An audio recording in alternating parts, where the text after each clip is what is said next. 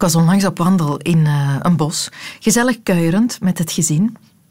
Passeren wij ineens een boom waar een gigantische lul opgespoten is. Maar echt 70 centimeter groot, fluogeel. En dat vind ik dan interessant. Wie zet dat daarop? Wie bedenkt in een bos, als ik hier nu eens een afbeelding maak van een enorme penis? En wat wil die daarmee zeggen? Ik denk aan piemels. Ik heb een piemel en het is een grote. Jij bent een lul. Deze boom is een lul. Ik heb lak aan regels. Fuck the system. Maar ja, wat heeft die boom met het systeem? Een boom heeft echt niks met het systeem te maken. Dus dat is een raadsel.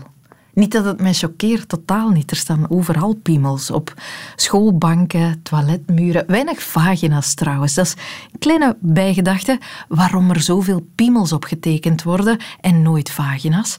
Maar ik wijk af. Ik wil het eigenlijk zelfs niet eens over piemels hebben. Ik wil het hebben over waarom we dat soort dingen doen.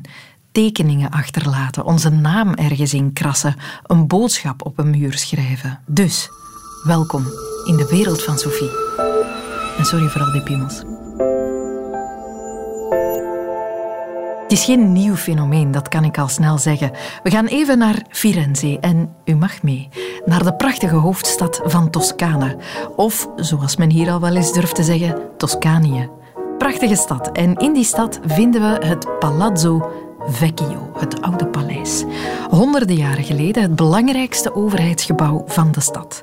Het lijkt een beetje op het Belfort in Brugge, maar dan met omgekeerde volumes. Dus je hebt een soort massieve blok die het hoofdgebouw vormt met een klein smal torentje erbovenop. Vlak voor het gebouw staat een replica van de David van Michelangelo, omdat hij daar begin 16e eeuw aan dat beroemde beeld gewerkt heeft.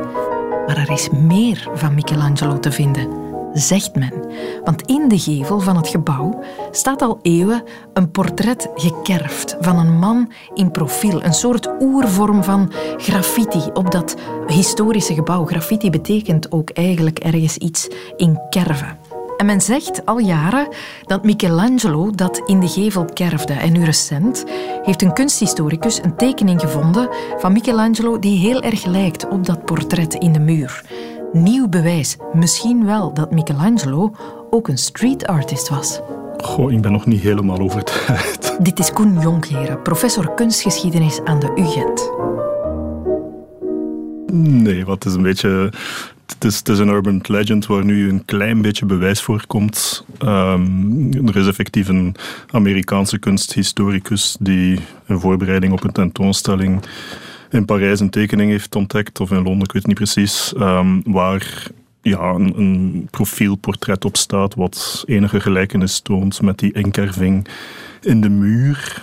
Alleen, ja, er zijn heel veel dingen die gelijkenis tonen in de kunstgeschiedenis. En die inkerving in de muur, daar is ook al jaren discussie over. Omdat het is heel moeilijk om hard te maken dat die in de 16e eeuw daar gezet is. Mhm. Je hebt geen foto's en zo uit de 16e eeuw, dus je kan eigenlijk nooit bewijs vinden van het feit dat die er al stond.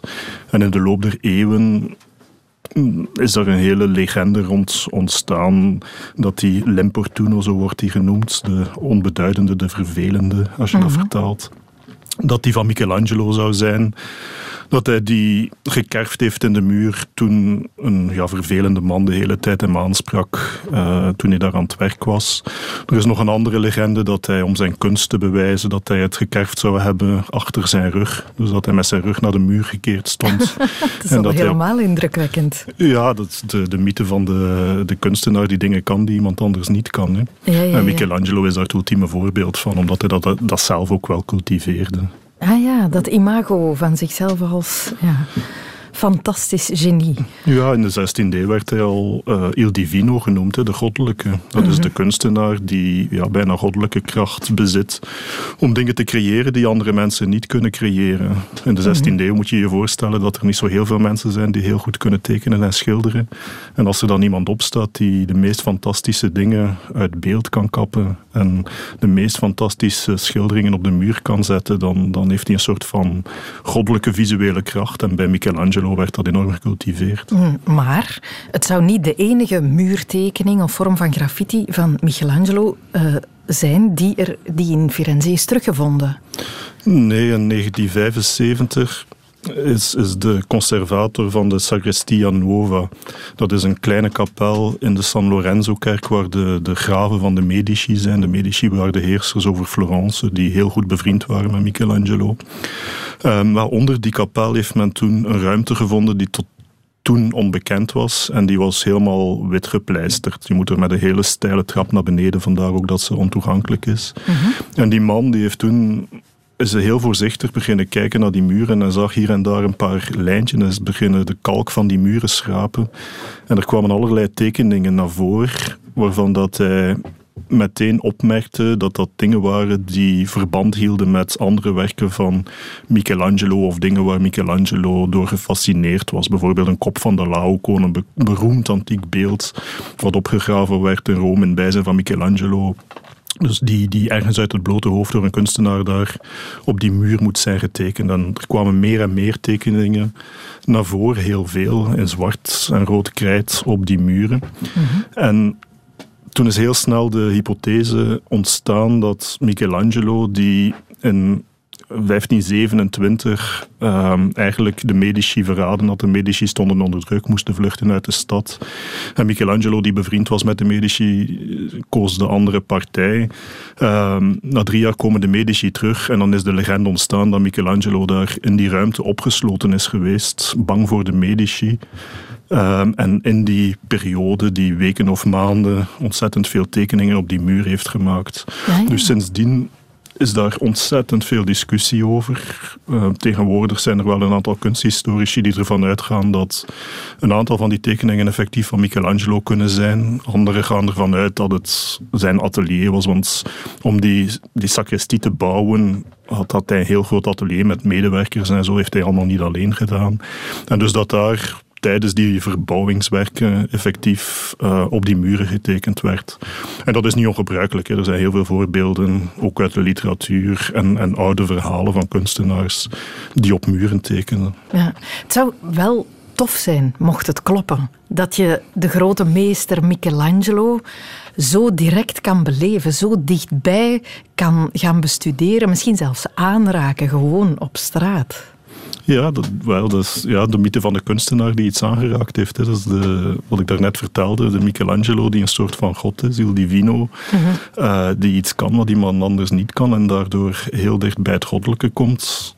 En, en dat leeft tot op de dag van vandaag door. Je ziet dat op de kunstmarkt ook. Hè.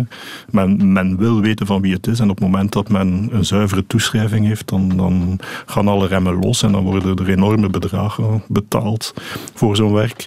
Terwijl het net zo mooi is als ervoor. Hè. Als je het niet weet, mhm. is, is een kunstwerk even mooi. Maar gewoon dat idee dat daar iemand aangekomen is die iets kan wat iemand anders niet kan, dat is iets wat uh, blijft fascineren. We willen dat gewoon graag geloven. Dat het van Michelangelo is. En dat is ook toffer voor de stadsgidsen van Firenze om dat te vertellen.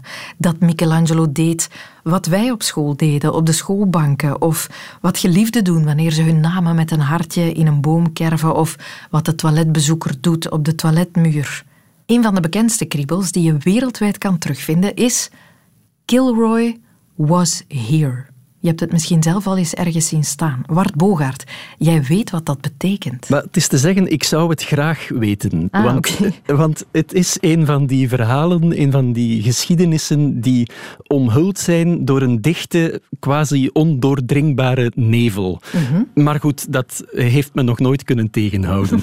uh, dus ook nu niet. Het is inderdaad iets dat je vroeger misschien nog net iets meer dan nu overal zag gekriebeld staan. Hè? Op, op muren, op banken, op reclameborden, op toiletten, op perrons, op palen enzovoort en zo verder. Ik kan me nog herinneren zelfs of ik moet het gefantaseerd hebben, maar ik, dacht, ik denk dat het een accurate herinnering is, dat het op mijn schoolbank zelfs gekriebeld stond. Zo aan de onderkant van dat blad dat je naar boven kon klappen ah, om je boeken in te steken. Dus je zag het werkelijk overal. Uh, maar als je dan in het, uh, ja, in het officiële naslagwerk, uh, het naslagwerk der naslagwerken, de Oxford English Dictionary, gaat kijken bij het lemma Kilroy, dan staat daarbij The name of a mythological person. Dus ah, zij weten het dus ook niet echt, of ze willen het niet weten. Maar ik leg me daar dus, zoals gezegd, niet bij neer. Vooral omdat er tientallen sites bestaan waar niet alleen voorbeelden op staan, foto's van over de hele wereld met, ja, met die kriebel, hè, Kilroy was here, maar ook, er bestaan ook tientallen sites met speculaties over wie of wat Kilroy nu precies zou kunnen zijn, geweest zijn en waar hij dan was voor hij hier was. Het is niet echt een, een, gangbare naam, toch? Hè? Nee, het is een familienaam. Het is een bestaande uh, Amerikaanse familienaam. We moeten het in de Verenigde Staten in alle geval gaan zoeken. Het zou zich situeren, alhoewel er bronnen zijn die het vroeger situeren, maar die worden dan weer door andere bronnen weerlegd. Maar het zou zich situeren in de Tweede Wereldoorlog onder Amerikaanse soldaten. En de reden waarschijnlijk waarom de Oxford English Dictionary het houdt op a, mythological person, dat is omdat men zich eigenlijk pas vanaf 1946, na de oorlog dus, echt is beginnen afvragen wie die Kilroy nu precies was. Waarschijnlijk had de wereld vroeger andere dingen aan het hoofd. Maar ja, tot, tot 45 waren ze bezig. Je kan je daar iets bij voorstellen. Nu, het meest gedegen onderzoek, en dat doet mij groot plezier, en dat zal jou ook een groot plezier doen, dat is gevoerd in 1946 in een radioprogramma. Aha. Het programma Speak to America. Daar heeft men een grootscheepse zoektocht georganiseerd naar de echte Kilroy. Interessant, dat programma werd gesponsord door de American Public Transport Organization, een soort Amerikaanse trein, tram en bus. En dat had als gevolg dat de winnaar van die wedstrijd een zeer speciale prijs mocht ontvangen, namelijk een tramwagon. Wat ben je daar nu mee? Een echte tramwagon. Echt waar. En er zijn dus 40 Kilroys die zich gemeld hebben, elk met hun eigen verhaal. Die verhalen zijn allemaal door een grote redactie uh, uitvoerig onderzocht. En daar is één winnaar uitgekomen. Ik heb zijn overlijdensbericht hier voor me liggen. James Joseph Kilroy uit Halifax, Massachusetts, geboren in 1902 en overleden in 1962. En die man moet nogal trots geweest zijn op zijn overwinning in dat radioprogramma, want op zijn overlijdensbericht staat er The original Kilroy that was here. Tof. Ja, leuk. Dus die man moet daar ongelooflijk trots op geweest zijn. Wat was nu zijn verhaal? Die man, James Joseph Kilroy, die is in 1941, december 1941, twee dagen voor de aanslag op Pearl Harbor trouwens, is die beginnen werken op een scheepswerf. In Bethlehem Steel heette die scheepswerf in Quincy, Massachusetts. Wat was een opdracht daar? Hij was controleur van klinknagels klinknagels, dat zijn van die dikke nagels waarmee stalen platen uh, aan elkaar bevestigd worden en die je overal in grote metalen constructies, zoals schepen, uh, ziet. Hij moest die nagels controleren en elke nagel die hij gecontroleerd had, daar zette hij een streepje bij met wit krijt. Nu wat deden die klinknagelzetters? Die mensen die werden betaald per klinknagel die ze succesvol hadden geplaatst. En die hadden er dus geen baat bij dat al die nagels gemerkt werden. Dus wat deden ze?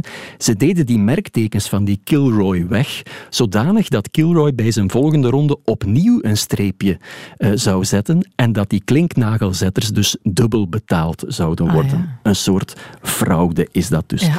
Kilroy die had dat op een bepaald moment door. Die wou daar paal en perk aan stellen. Dat was een zeer plichtsbewuste, conscientieuze man.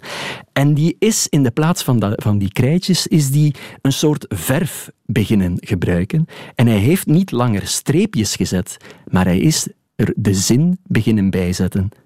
Kilroy was here. En hij heeft dat dus gedaan op talloze oorlogsbodems. Het was een zeer grote scheepswerf, talloze oorlogsbodems op vliegdekschepen die in die periode, begin jaren 40, tijdens de oorlog, de, weer, voilà, die de wereld rond verscheept zijn geraakt en waar duizenden Amerikaanse soldaten op verscheept zijn. En die soldaten die zagen natuurlijk op verschillende plaatsen, ook zeer ontoegankelijke plaatsen in de boeg van het schip, zagen die overal dat zinnetje staan. Kilroy was here.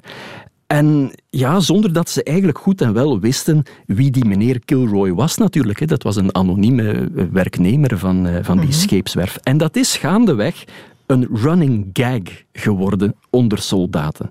Uh, er zijn stilaan wedstrijden georganiseerd om Kilroy was here, dat zinnetje, op de meest ontoegankelijke van de potgerukte plaatsen te krijgen, overal waar die soldaten ter wereld ook maar kwamen. En zo zie je dat Kilroy was here, je vindt dat terug uh, op de toorts van het Vrijheidsbeeld bijvoorbeeld, op de Arc de Triomphe, op de Marco Polo-brug in China, uh, in hutten in Polynesië. En blijkbaar, en dat is wel een heel straf verhaal, blijkbaar ook in het Cecilienhof in Potsdam, waar in 1945 Stalin, Truman en Attlee na, uh, de naoorlogse wereldorde bespraken op de beruchte conferenties van Potsdam. Die hadden daar een huisje waar ze de besprekingen uh, samen voerden. En op een dag zou Stalin na een toiletbezoek teruggekomen zijn met de vraag: die Kilroy wie is dat misschien?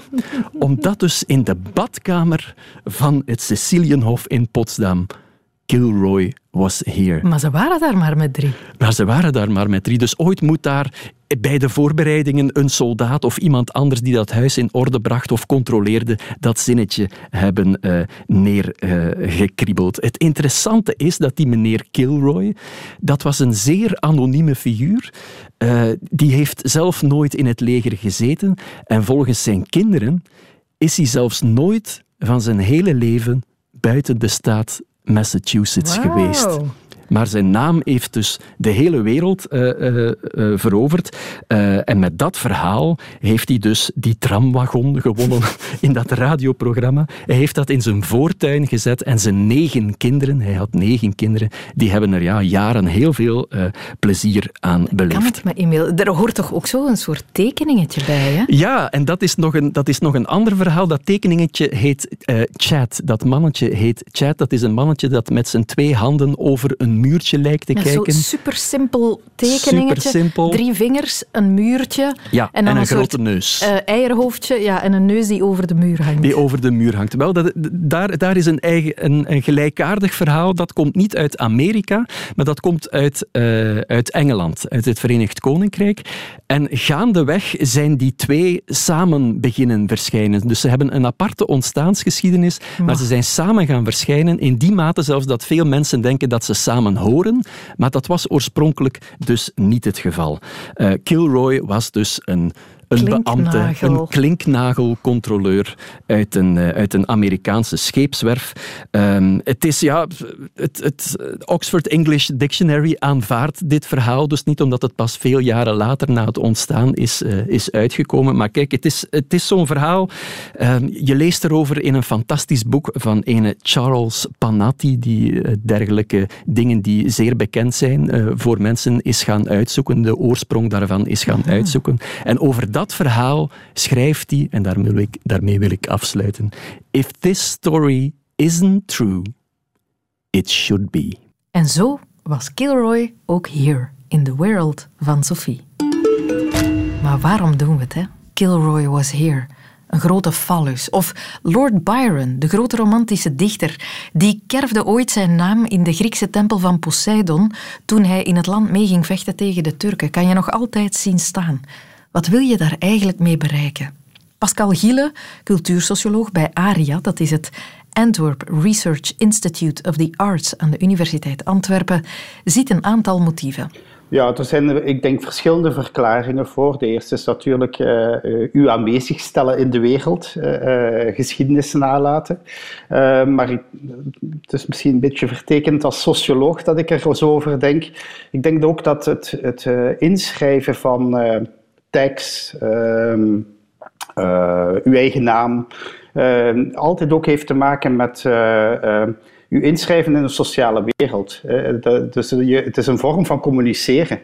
Eh, dat je daar als mens bent geweest en waarin je ook uh, een soort van bondgenootschappen sluit. Ik denk ook Kilroy was hier, waar jullie dat al over gehad hebben, is ook een, een, een vorm van solidariteit tussen soldaten bijvoorbeeld ja. formuleren. En, en dat zie je ook op de toiletdeur in het humaniora, waarin eigenlijk mensen iets, iets neerschrijven um, en, en waardoor er een soort van band ontstaat, want dat is illegaal of allegaal of een beetje crimineel. Hè. Je mag mhm. dat niet doen op een deur. Dus je deelt eigenlijk ook een geheim. En eh, sociale relaties worden juist gemaakt in het delen van een geheim. Het heeft ook wel iets. Ja, eh, u zei het al een beetje tegendraad. Hè? Het is, het is een, een daad van rebellie, want het mag inderdaad niet. Hè? Uh, nee, de meeste graffiti uh, is, is nog altijd verboden. Hè. Zijn, tegenwoordig zijn er wel zones, ik woon zelf in Antwerpen, ge, gelegaliseerd voor graffiti. Maar dat neemt een heel ehm, belangrijk karaktertrek of kwaliteit ook zelfs van die graffiti weg. En dat is juist de illegaliteit, het, durven ergens iets te doen waar het niet mag. En dat ook zichtbaar maken uh, aan, aan, aan, aan vrienden of de peers van, van uh, graffiti-kunstenaars. Mhm.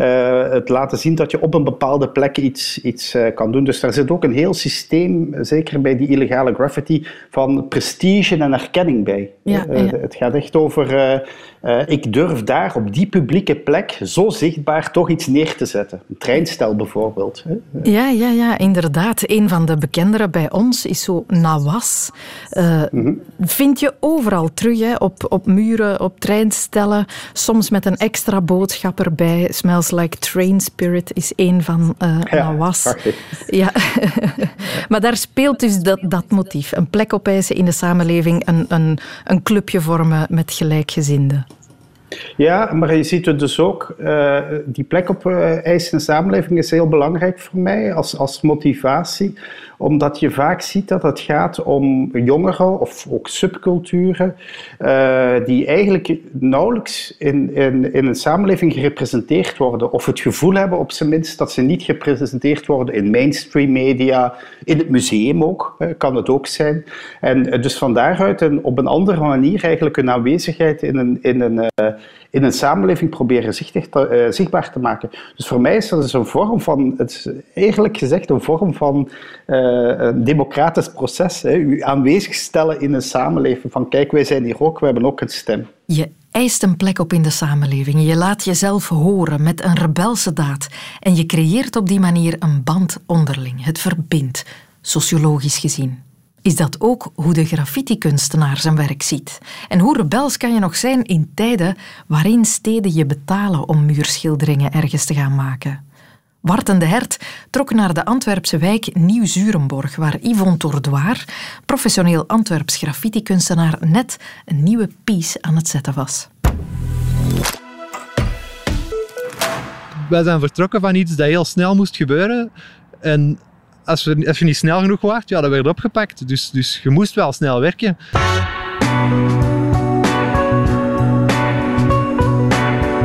Ik ben uh, Yvonne Tordoir uh, graffiti-spuiter in het Antwerpse. Ik ben ondertussen meer dan 20 jaar mee bezig. Met mijn team uh, Aerosol Kings schilderen wij veel in opdracht van mensen. Dus wij doen, dat is eigenlijk ons hoofdberoep geworden. Um, maar wij organiseren ook elk jaar ons festival, waar we hier nu zitten op de zomer van Antwerpen. dat noemt Meaning of Styles. Wat dat een internationaal festival is, dat elk jaar in niet-coronatijden in een stuk of twintig landen georganiseerd wordt. Ik ben in de 98 begonnen bij graffiti. Dat was eigenlijk puur door ja, te zien wat er op straat staat. En ik woon ook tegenover spoorwegen, dus ik zie altijd treinen rijden en ik zag, ik zag altijd die graffiti-letters erop staan. Ik vond dat heel interessant. Want je weet ook niet hoe, hoe doen die dat, hoe, gebeurt dat, wie zijn dat. Dat is allemaal in, het, in een anonieme sfeer. Um, terwijl vandaag de dag dat dat meer gecommercialiseerd is eigenlijk. En, en ja, artiesten komen er ook meer vooruit wie ze zijn en wat ze doen. Toen was er gewoon iets voor, voor uzelf en voor, voor die scene, voor de andere graffiti writers. Eh, want wij kunnen dat lezen, maar de meeste mensen kunnen graffiti niet per se lezen. Dus dat was dan eigenlijk een, een, een, taaltje van de straat dat, dat voor ons was. Al doe ik dat niet meer illegaal op straat, blijft dat wel iets dat zo een indruk heeft nagelaten en een, een, een invloed heeft gehad op de manier waarop dat ik schilder en de stijl dat ik schilder. Ik schilder bijvoorbeeld veel sneller dan heel veel street artists. Als je ziet naar die gast hier dat een portret heeft gedaan, ik vind dat super vet. Het heb ik aan anderhalve week over gedaan. Ik zou het drie dagen doen. We hebben vaker een, een beeld in ons hoofd en niet per se een printje in ons hand. Om maar te zeggen, als je bijvoorbeeld s'nachts ergens gaat schilderen, dan is een beetje straatverlichting, alles is oranje. Je hebt groen, geel, blauw, alle kleuren bij, maar je ziet alleen maar oranje. Dus wij schrijven op etiketjes erop welke kleuren dat, dat waren. En dan moeten weten wat je gaat doen. Want je kunt dat niet zien. En, op die manier uh, bij, uh, bij een, ander, een ander ritme van schilderen ontwikkeld eigenlijk. dat gaat veel, veel sneller, veel directer. En dat zie je ook gewoon in het verschil als er nu street art muren zijn van iemand die uit de graffiti-achtergrond komt of iemand dat gewoon uit de schilderkunst-achtergrond komt. Ik ga niet zeggen dat het een beter is dan standaard, maar je ziet wel een, een, de aanpak of de manier van schilderen dat dat duidelijk uit een ander scene komt. Bijvoorbeeld aan de signatuur kun je ook zien of het nu een street artist of een graffiti artist is. De basis van alle graffiti is, is een tag, is een letter. Ik weet dat heel veel mensen dat haten, maar dat is, dat is het fundament van graffiti. En daar bouwden op verder. En een street artist heeft die, die evolutie niet doorgegaan. Die schrijft gewoon de naam als hem zal schrijven vaak. Graffiti was er eigenlijk voor street art. Street art is uh, de legale scene dat eruit gegroeid is. Op die enkelingen na, dat dan zo, gelijk Banksy, ook op straat begonnen met hun stencils en, en, en, die toestanden. En graffiti, ja, graffiti hangt eigenlijk meer vast aan die hip-hop cultuur. Waarin dat je dan ja, DJ's, MC's, breakdancers, graffiti writers, uh, um, al, die, al die elementen zijn dan gebundeld in, in één noemer als hip-hop. Uh, en later is die graffiti los ervan gesorteerd onder uh, street art. Maar in C is graffiti nog altijd iets dat illegaal op straat gebeurt. Als ik hier legaal iets zou doen, dan is het eigenlijk geen graffiti meer. Wij schilderen over het algemeen liefst muren, omdat dat een onderdeel is van de straat en dat wordt veel meer gezien dan dat je bijvoorbeeld in je atelier een doek zou schilderen en moet wachten om dat te tonen in een expo. Ons werk is altijd zichtbaar, gelijk hier aan de fabriek. Dat is eigenlijk een uh, openluchtmuseum. Alle museums zijn dicht door corona, wij zijn 24 op 24 open. Graffiti is, is sowieso een tijdelijk gegeven. Heel vaak zie je graffiti op locaties waarvan je weet dat die tijdelijk gaan zijn. Dat ze zoiets hebben van oké, dat is een gebouw dat dichtgetimmerd is uh, omdat het leeg staat. Binnen dit en vijf jaar gooien we het plat. Dus dan laten ze toe dat er iets opgeschilderd wordt. En dat ziet er dan uiteindelijk ook een pak beter uit dan gewoon een dichtgeschilderde gevel. Maar je hebt ook veel mensen die uh, hun, hun muren ter beschikking stellen en dan heeft dat uiteraard een veel langer leven. Met de muur in de zomerfabriek heb ik een aantal toevoegingen gedaan op mijn, op mijn letters. Eigenlijk zelf tags erop gezet, omdat dat vaak gebeurt als je op een legale zone iets schildert, dat iemand anders langskomt en er een tag op zet. 9 van de 10 komt een week later terug en dan staat er een toepak en een peet op. Dus ik dacht van ja, dan doe ik dat gewoon zelf en is het gebeurd.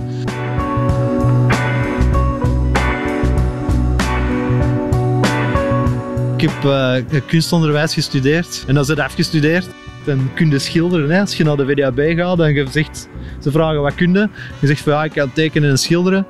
Dan zeg je ja, dat is tof, voor jij rijbewijs, gewoon wat pakjes leveren. En ik van ja, oké, um, nee hè, daar heb, ik, daar heb ik al die jaren niet voor gestudeerd. Dus uh, heb ik gewoon beslist om zelfstandige te worden. Ja, direct op zoek gegaan naar jobs. Ik werk ook heel vaak uh, in opdracht van de stad. doen we daar projecten mee. Als er geen, geen opdrachten zijn, ik gewoon zelf op zoek. Ik, zie ergens een kale muur, ik zie wat er budgetten kunnen voor vrijgemaakt worden. Je spreekt stadsdiensten of districten aan en, en probeert gewoon iets in gang te zetten. En heel vaak, uh, heel vaak zijn die wel gemotiveerd om mee te werken. Er is zeker veel meer vraag naar in het legaal milieu. Er is uh, sinds een aantal jaar ook in Berchem een schepen voor street art aangewezen. Ik weet nog dat ik um, een telefoon kreeg van de Gazet van Antwerpen, omdat die daar een bericht, een, een bericht van wou maken. En dan waren ze even aan het polsen in de scene van wat vinden jullie daarvan? Ik kwam uit de lucht gevallen, ik wist niet dat dat bestond of dat ze daar uh, aan het denken waren. Maar ik vond dat fantastisch. Ik dacht, ah, ja, super. ehm, iemand daarmee mee zich achter zet en, en uiteraard ook budgetten kan vrijkrijgen en kan zorgen voor, voor mooie projecten. En, en dat is altijd interessant, zoiets.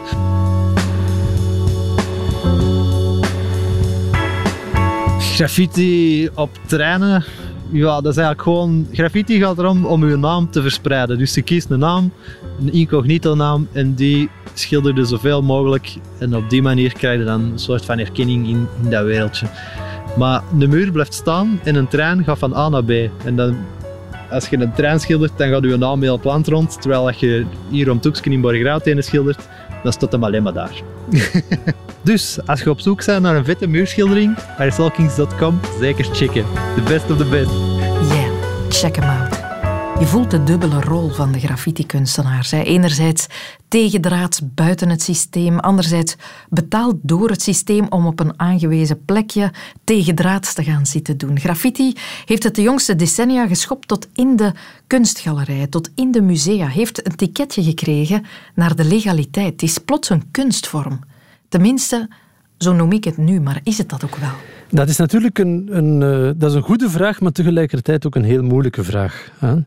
Want? Je zou ook wel de vraag kunnen zeggen, wat is kunst? Dat is ook al de klassieker die Ah, ja. we heel vaak uh, aan tafel hebben. Philippe van Kouteren, directeur van het SMAK in Gent. Maar laat me beginnen om te zeggen, um, terwijl ik daarnet naar uw uitzending aan het luisteren was, hoorde ik West-Vlaams, hoorde ik Antwerps, hoorde ik verschillende dialecten, zeg maar. Wel, dat is ook het geval in de graffiti en in de street art. Hè? Daar Mhm. heb je ook eigenlijk een veelheid van verschijningsvormen.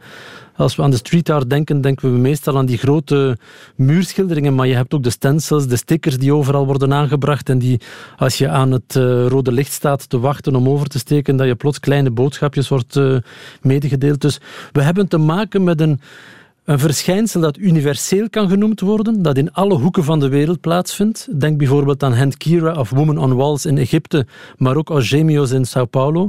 Maar dat we toch nog altijd, als we dan het terugbrengen naar de kunstwereld, terugbrengen naar een iconisch figuur en een iconisch moment. En dat brengt ons naar New York. Dat brengt ons naar Keith Haring, vanzelfsprekend. Ah, ja. Keith Haring, hè, uh, nog, nog niet zo lang geleden was er die uh, grote retrospectieve tentoonstelling in Beaux-Arts in Brussel. Mhm. Hè, dus Haring, die geconsacreerd werd als kunstenaar. Haring, die niet geconsacreerd werd als zeg maar de man die de metro's in New York aan het taggen wassen, maar die wel werd geconsacreerd als een kunstenaar die ook een activisme in zich had. Maar dus als een kunstenaar die producten maakt. En daar komen we al tot een belangrijk punt voor mij. Iemand, een graffiteur, een streetkunstenaar, voor mij nog meer dan wat die persoon maakt, is dat een houding? Is dat een manier van in de wereld staan? Is dat een manier van naar de dingen te kijken? Is dat een manier van een soort heel democratisch appel omarmen? Is dat een soort tegendraadsheid, een ongecontroleerde tegendraadsheid? Is dat een soort warsheid van regels hebben? Mhm. En dan zie je natuurlijk al die elementen die ik net aandraag, het rebelse, dat zijn natuurlijk elementen die op een bepaald moment de kunstwereld graag wil omarmen en vooral de kunstmarkt, door de kunstmarkt graag omarmd worden. Ja. En dan is het natuurlijk zo dat ergens in de jaren tachtig in New York, hè, want de, de graffiti en de street art gaat veel langer terug, het kan terug te brengen zijn naar de jaren zestig zelfs of zelfs vroeger, um, in New York, dan zie je dat op een bepaald moment daar gewiekste galeristen zijn die plots toch wel denken van, tja, als we nu eens die graffiti-stuk van um, Keith Haring niet langer op een muur laten gebeuren, maar misschien als we dat nu op een doek laten doen, of op een container in knokken, of ergens op een, uh, een stuk papier, of ergens merchandisen op een kop, of op een t-shirt, of op dingen die eigenlijk wel nog in de logica zitten van de graffiti,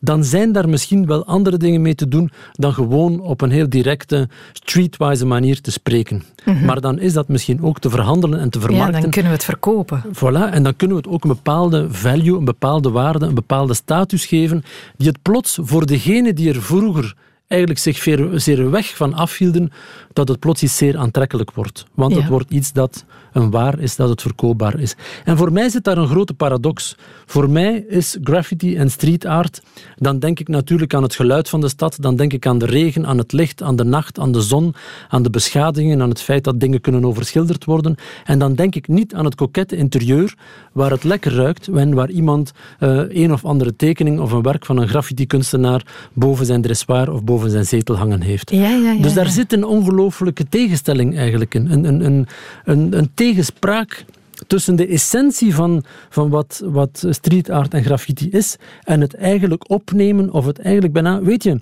de kunstmarkt en de kunstwereld ontrooft de graffiti van zijn klauwen of gaat de klauwen als het ware met een bepaalde lak gaan uh, beschilderen. Ja. En dat is natuurlijk begrijpbaar. Ik kan dat ook begrijpen dat, dat sommige graffiti-kunstenaars en sommige street artists daarvoor openstaan, zich daartoe lenen. Um, ik beschouw dat zelf ook niet als een vorm van verraad, zeg maar. Ik heb daar zeer veel begrip voor. Maar het is een inkomen. De essentie, het is een inkomen, absoluut. En we weten zeker hoe moeilijk het is voor kunstenaars, muzikanten, theatermakers en dergelijke meer in, in de tijd waar we vandaag in leven. Dus daar heb ik 100% eh, of zelfs meer begrip voor. Maar de essentie ligt in mijn aanvoelen toch wel anders. Ik ben mhm. gefascineerd door de vrijheid die een graffiti-kunstenaar of een streetkunstenaar zich, zich neemt, zich toe-eigent en probeert waar te maken. En dat is eigenlijk een, een manier van leven waar ik, waar ik bewondering voor heb. Is dat dan het onderscheid tussen graffiti en street art? Graffiti speelt zich af in de steegjes, is uh, rebels tegen draad ongrijpbaar. Street art is het geconventionaliseerde, of de geconventionaliseerde vorm ervan? Wel, ik denk, ik denk dat er... graffiti, denk ik, is... Uh, je, je, we kennen het, de beroemde uitspraak Kilroy was here. Hè? Ja, we hebben het in het vorige uur over gehad. Ah, voilà, dat, had ik nog, dat had, ik niet gehoord. Maar, um, dus dat is eigenlijk zeggen van, ik besta, hier ben mhm. ik. Dat is iemand die wil zeggen van, oké, ik maak deel uit van deze anonieme wereld en ik laat het u met een beeld horen, of met een tag, of met een handtekening, of met een handschrift horen. Hè. Mhm. Ehm, street art is iets dat ons bijna doet denken aan de grote traditie van de Mexicaanse muralisten, hè, of aan de, de sociaal-realistische grote reliefs die we in de, in de Sovjet-Unie aantroffen. Dat zijn verhalen die verteld worden, grote verhalen die verteld worden, en vaak met een soort geëngageerde politieke of sociale inslag. Hè. Maar je ziet natuurlijk ook daar een heel merkwaardige verschuiving, dat het langzaamaan die tegendraadsheid die het ook heeft en dat geëngageerde dat het ook heeft, dat steden, hè, we spraken net over een, een schepen van street art, wat voor mij een paradox eigenlijk is, hè, want mhm. dat is opnieuw weet je, het kanaliseren van een bepaalde energie op plekken die uh, als het ware zouden moeten kunnen uh, opgesmukt worden met een street art uh, werk. werk hè. Ja, het is Berlijn... praktisch voor de stad natuurlijk. Zo hebben ze het onder controle. Voilà. Kunnen ze zeggen, doe het niet daar, maar doe het hier. Hier in dit kader mag het. het om het cru te zeggen, het is, het is, als het ware dat de artistieke vuiligheid, want door velen wordt dat nog altijd als een soort artistieke vuiligheid gezien, wat het helemaal niet is. Hè. Het is, een, is een, het is een, een, een uitzonderlijke vorm van artistieke expressie. Maar door het te kanaliseren, door er festivals rond te bouwen, door er een crystal ship van te maken, door het een, een, een kokette vorm te geven, wordt het heel vriendelijk, wordt het, wordt het behapbaar, wordt het speels, wordt het eigenlijk van zijn krallen ontdaan en krijgt die artistieke vuiligheid ook een plek waar het, wordt, waar het thuis hoort. Hè? Waar het eigenlijk wordt ingezet, wordt geïnstrumentaliseerd om een buurt, een plek, een omgeving op te smukken, mooier te maken. Mhm. Terwijl het werken zijn met een boodschap. Terwijl dat ook kan, maar ik denk dat het vooral moet zijn dat we moeten proeven in een wereld die conformer wordt, die eenduidiger wordt, die, waar alles met, met, met verrechtvaardiging te maken heeft, dat we net moeten op zoek gaan ook als gemeenschap, ook als overheden, ook als stad, als land, dat we moeten proberen plekken te creëren voor, voor street artists, voor kunstenaars, die met vrijheid te maken hebben. En die er dus voor zorgen dat de oorsprong van een expressievorm, de oorsprong van een expressievorm behouden kan worden, maar niet wordt verplant of wordt omgevormd tot iets anders wat het eigenlijk niet was. Ja, je zei daar net uh, mooi dat de klauwen eraf zijn gehaald. Hebben de galeristen graffiti dan stuk gemaakt? Is het, is het kapot? Wel, voor een stuk wel, denk ik weet je, voor een stuk wel net, net het... Uh, maar nogmaals, het zijn, het zijn begrijpelijke fenomenen. Hè. Mm de, dus de, van het moment dat, dat de markt ergens een rol speelt, en dat is niet alleen in de kunst het geval, maar dat is in veel breder het geval, van, van het moment dat de markt een rol speelt en dat iets waarde krijgt, en iets kan verhandeld worden voor meer of voor minder waarde, dan weet je dat de blik, hoe dat naar de zaken gekeken wordt, ook, wordt, ook verandert. Hè. Dus in die zin heeft um, in mijn aanvoelen de markt wel een stuk um, graffiti-art salonveeg gemaakt, hè, mhm. maar uh, is me meer over het kader beginnen spreken dan over de inhoud. Ja. Een van de bekendste street artists is Banksy, de anonieme man die vaak stencilgewijs werken nalaat. Um, hoe kijk je daarnaar? Is dat nu een echte kunstenaar of is dat een goede marketeer? Hoe, hoe ziet u dat? Wel, ik ben daar al vaker over geïnterviewd, over Banksy. Ehm, ik vind dat een enorm fascinerend figuur. Waarom? Omdat het iemand is. Hè, we hadden het net over die markt, we hadden het net over de, de samenleving die een soort uh, poezelige factor uh, toch uh, liefst heeft in, in, in, als het over kunst gaat en over graffiti en street art.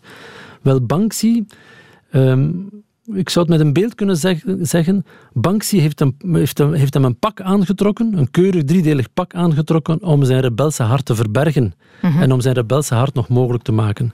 En hij weet het op een heel elegante, speelse manier een verhaal te vertellen of een verhaal te brengen, maar toch zeer vaak met heel uh, alerte, directe, politieke, verrassende boodschappen. Mhm. Nog niet zo lang geleden heeft Banksy een, een, boot gekocht, een schip gekocht, om vluchtelingen over te brengen van uh, Afrika naar Europa. Juist. Bijzonder. Een graffiti-kunstenaar, een street artist, we weten niet wie hij is.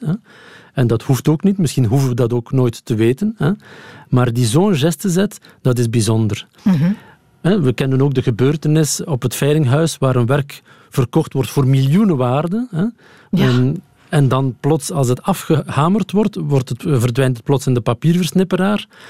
Wel, daar opnieuw heeft Banksy iets gedaan dat ons aan marketing zou kunnen denken, aan, van aan een heel grote brede mediastunt, maar waar hij tegelijkertijd bij een heel breed publiek, bij een heel brede groep mensen, een brede groep veel breder dan wij ooit, alle musea samen ooit zouden kunnen bereiken, heeft een verhaal kunnen vertellen en een accent of een kanttekening kunnen plaatsen bij de mechaniek van een veiling, bij de waarde, hoe, hoe waardes worden gecreëerd, hoe er een soort spel van hoger en meer en, en, en, en langer en duurder uh, aan het gebeuren is. Mhm. Dus in die zin vind ik dat hij zich uh, bijna zo, weet je, bijna zoals in een Clockwork Orange, die zich, hè, de, een, een, relatief gewelddadige, uh, provocerende film, maar waar de, de heren protagonisten van de film zich in een soort uh, vermommen als een soort Britse gentleman, mhm. maar toch weten aan, die zeg maar, aan de conventies weten, aan de boom van de conventies en aan de boom van de verwachtingen toch wel goed weten te schudden. Ja, hij is de perfecte man in het, in het midden zo. Hè. Hij blijft wel trouw aan de oorsprong van de kunstvorm. Maar hij gebruikt wel de geconformeerde wijze om de boodschap over te brengen. Ja, dat is vandaag misschien de enige manier om nog rebel te zijn. Ja? Misschien, uh, misschien, weet je, de Sex Pistols, dat, dat, dat bracht nog iets teweeg in de jaren zeventig. Maar vandaag is dat bijna even klassiek als een strijkkwartet van Beethoven. Dat is waar. Um, weet je, dat uh, Gevaarlijke muziek bestaat zo niet meer. Nee, en dat is in zeer veel domeinen van onze samenleving vandaag. Dus het is zoeken op welke manier dat je een vorm van uh, georganiseerde of, of, individuele tegendraadsheid of, of uh, rebellie of, of, manifest kan gaan, kan gaan realiseren. We zien uh, zeer veel activisme die plaatsvindt. Maar ook daar dreigt het gevaar dat het activisme op een bepaald moment ook wordt opgenomen, opgegeten door een mm politiek establishment en ook wordt ontdaan van zijn klauwen. Ik heb geen antwoord, ik heb geen mogelijkheden, maar ik zie alleen wel dat street art een universeel gebeuren is en dat waar vandaag in Europa en in Noord-Amerika street art ergens iets salonveeg heeft gekregen, hè, en graffiti het salonveeg heeft gekregen, dat er nog altijd delen zijn in deze wereld waar het echt nog ertoe doet en waar street street art echt nog uh, een verschil kan maken en boodschappen kunnen brengen die misschien de rechten van vrouwen of die misschien zeg maar heel um, uh, toestanden rond mensenrechten wel kunnen aanklagen en kunnen in beweging brengen. En vandaar dat ik verwees daarnet naar Hent Kira, een Egyptische uh, street artist en, en graffiti-kunstenares die toch een belangrijke rol gespeeld heeft ook in de Egyptische revolutie. Mm -hmm. Dus het is ook belangrijk, denk ik, om eventjes uit onze, onze veilige westerse kokon die we hebben om naar graffiti en street art te kijken vanuit een soort uh, exotische verbeelding, om ons daar ook eens gewis van te zijn dat het een, een manier van spreken is, een manier van vechten is met beelden die uh, vandaag overal in de wereld nog uh, heel hard nodig is. Ik kan het toch goed uitleggen altijd. Hè? Street art, graffiti is wat salonveeg geworden. Vriendelijk, gemakkelijk aangenaam om naar te kijken, terwijl het dat niet hoort te zijn. We ontmijnen al eens graag de dreiging om ons heen. Dit was de wereld van Sophie over onze gewoonte om op dingen te kribbelen. Ik hoop dat je hem goed vond. Volgende vrijdag hebben we een nieuwe podcast. Die kan je downloaden of je kan je abonneren. Dan komt die vanzelf. En je hoort ons natuurlijk ook elke weekdag tussen 10 uur en 12 uur op Radio 1. Tot gauw. Dit was een podcast van Radio 1. Ontdek nog meer podcasts van Radio 1 in onze app en op radio1.be. Radio 1. Altijd benieuwd.